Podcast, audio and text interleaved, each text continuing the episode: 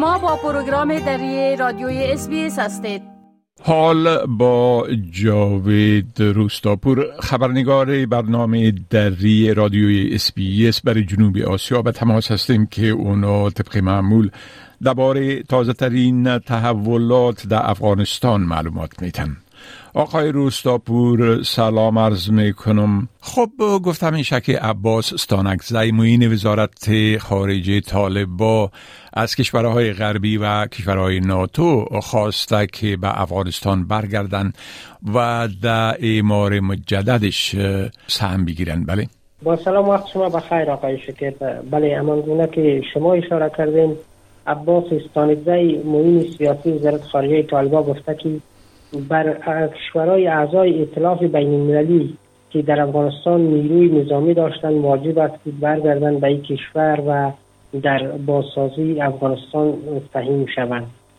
آقای استانکزی که در یک نشست و مناسبت 20 سالگی شرکت هوایی کامیر در کابل صحبت می‌کرد گفت که به اساس توافقنامه دوها کشورهایی که در افغانستان نیروی داشتن مکلف هستند که به افغانستان بازگردند و چون در 20 سال گذشته در کشور جنگ کردن و افغانستان را به گفته او خراب کردن باید که بیان در بازسازی افغانستان سعیم شوند. او تاکید کرد که وقتی که در دوحه با آمریکا اینا مذاکره می‌کردند امارت اسلامی یا گروه طالبا یک بخشی از این توافقنامه این بود که کشورهای غربی پس از اینکه نیروهای نظامیشان از افغانستان خارج شد. دوباره به افغانستان بر میگردن سفارتهایشان را باز می‌کنن و در بازسازی افغانستان قیم میشن این سخنان آقای استانکزی با واکنش های هم مواجه شد.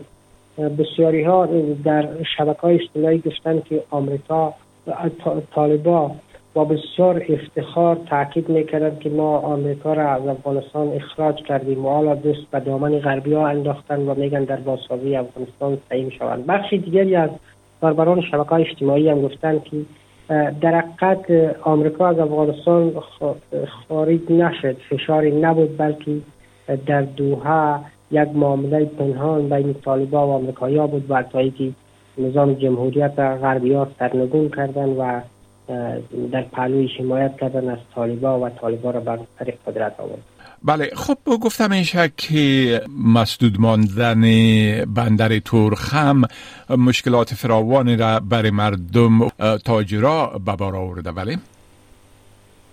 بله پس از برای سیوین روز است که تورخم برای مسافران مسدود است.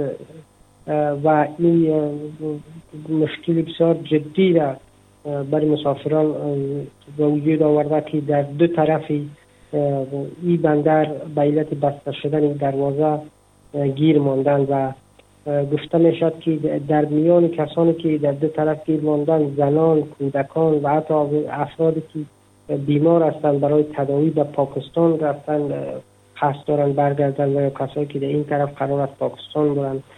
به وجود آمده و اینا گیر ماندن. شماری از مسافران افغان که در, حال حاضر منتظر باشدن دروازه هستند دروازه تورخم هستند در بازار لنگی کوتل هستند گفتند که با مشکلات زیادی روبرو هستند و بسیاری از آنها شب گذشته را در یک مسجد سپری کردند.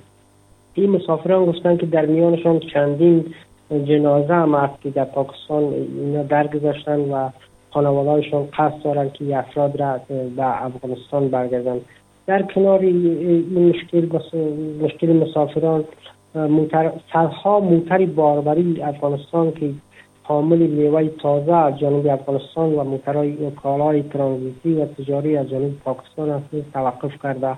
مسئولان التقای تجارت افغانستان گفتند که به دلیل توقف بسته شدن این بندر ده ها میلیون افغانی به تجار افغان گفته ضرر وارد شد. به دلیل از اینکه بیشتر موترهایی که قرار است از افغانستان بارگیری شده و به پاکستان بروند عامل میوه تازه هستند که در این منطقه یا در ساحل گذرگاه تورخم یا ولایت ننگرخار درجه حرارت بسیار بالا است. گرمی یعنی بیشتر از 40 درجه است و در صورت که 24 ساعت پر این میوه تازه بگذرد این گندیده و فاسد می شود و اتاق تجارت تاکید کرده که با ده ها میلیون دلار به تجار افغان گفته و ضرر وارد شده. این گفتنی است که درگیری روز چهارشنبه میان نظامیان طالبان و همچنان مرزبانان پاکستانی سبب شد که برای این سیومین روز این بندر مسدود بانه و طالبا گفتن که مذاکرات به شدت ادامه داره و به زودی این مرز باز خواهد شد بله خب گفتم این که یک مؤسسه تحقیقاتی دریافته که اگر در افغانستان رژیم تغییر کنه یا حکومت تغییر دهش بیایه مردمی که از او کشور خارج شدن 73 درصدش دوباره به افغانستان برخواهند گشت بله؟ مؤسسه تحقیقاتی صلح و توسعه کابل پژوهشی را زیر نام وضعیت نخبگان مهاجر افغانستان و نگرش آنان نسبت با آینده کشور.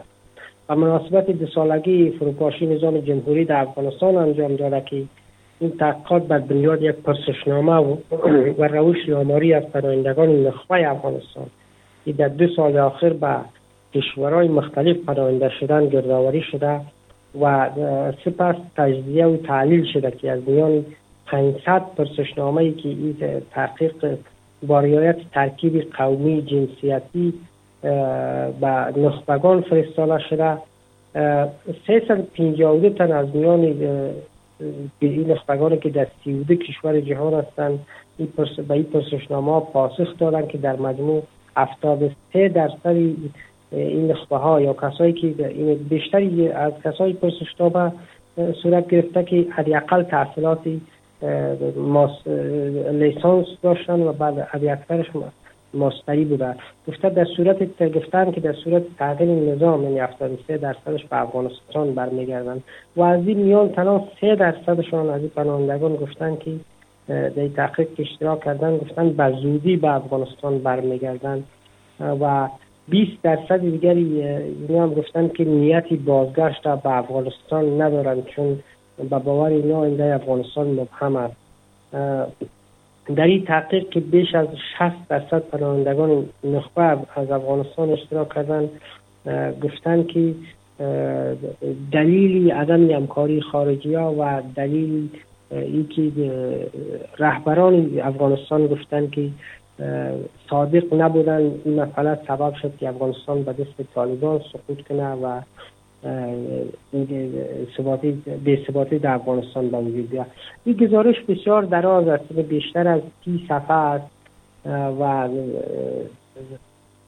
در کل میتون گفت که هدف اصلی از این است که چی تعداد از نخبه های افغانستان آمادن که به افغانستان بر بگردن و در کل این تحقیق اشتراک گفتن که دلیل اصلی که طالبا به قدرت رسیدن معامله بوده نه شکستی نیروهای نظامی افغانستان.